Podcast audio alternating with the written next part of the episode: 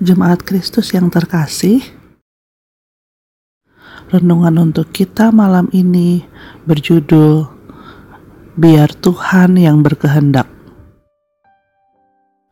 Dan bacaan kita diambil dari kitab Yakobus 4 ayat 13 sampai 17.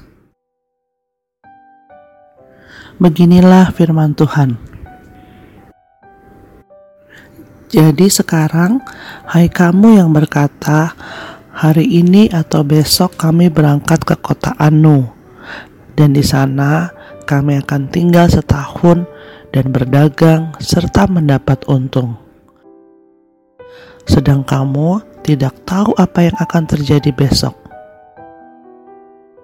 Apakah arti hidupmu? Hidupmu itu sama seperti uap yang sebentar saja kelihatan lalu lenyap. Sebenarnya, kamu harus berkata, "Jika Tuhan menghendakinya, kami akan hidup dan berbuat ini dan itu." Tetapi sekarang kamu memegahkan diri dalam congkakmu, dan semua kemegahan yang demikian adalah salah. Jadi, jika seorang tahu bagaimana ia harus berbuat baik, tetapi ia tidak melakukannya, ia berdosa. Kita pasti punya rencana untuk dikerjakan selama 5-10 tahun ke depan.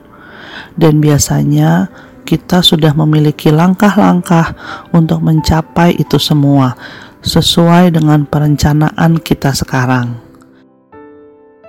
Namun, mari melihat sejenak. Bisa jadi 10 tahun ke belakang kita juga punya rencana untuk hidup kita, dan setidaknya itu yang harusnya kita nikmati sekarang. Pertanyaannya, berapa persen itu terjadi sesuai dengan rencana dan perkiraan kita sebelumnya? Ataukah yang kita jalani sekarang justru tak mencerminkan sama sekali apa yang sudah kita rencanakan dan persiapkan sekira 10 tahun yang lalu? Bisa jadi demikian. Apa yang kita harapkan tak sesuai dengan yang kita nikmati dan rasakan hari ini. Dan bila itu terwujud 100%, terpujilah Allah.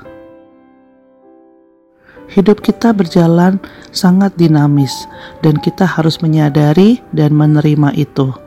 Ada banyak situasi yang tak terduga yang akan berdampak pada jalan hidup yang kita hadapi dibutuhkan kerendahan hati untuk merespon hal ini, karena dengan kerendahan hati kita akan dapat belajar menerima bila suatu ketika rencana kita tidak berjalan dengan baik, dan kita pun dapat melihat hal lain dari peristiwa yang tidak kita harapkan. Oleh karena itu, tepatlah bila kita melihat bahwa apa yang dikatakan dalam ayat 15 yaitu jika Tuhan menghendakinya kami akan hidup dan berbuat ini dan itu. Ini tidak dalam rangka meniru saudara-saudara kita dengan mengatakan satu formulasi saat ingin melakukan sesuatu atau saat berjanji sesuatu namun, untuk menyadari bahwa apa yang kita lakukan, hendaklah itu semua kita mohonkan perkenanan Tuhan dan berkat Tuhan. Biarlah segala sesuatu yang kita kerjakan dalam kehendak Tuhan, bila rencana kita juga diberkati Tuhan, ucaplah syukur dan tetaplah rendah hati bila semua tak sesuai dengan keinginan kita. Demikianlah renungan malam ini. Semoga damai sejahtera dari Tuhan Yesus Kristus tetap memenuhi hati dan pikiran kita. Amin.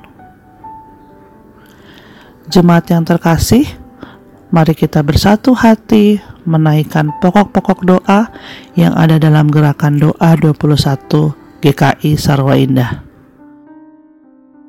Mari berdoa.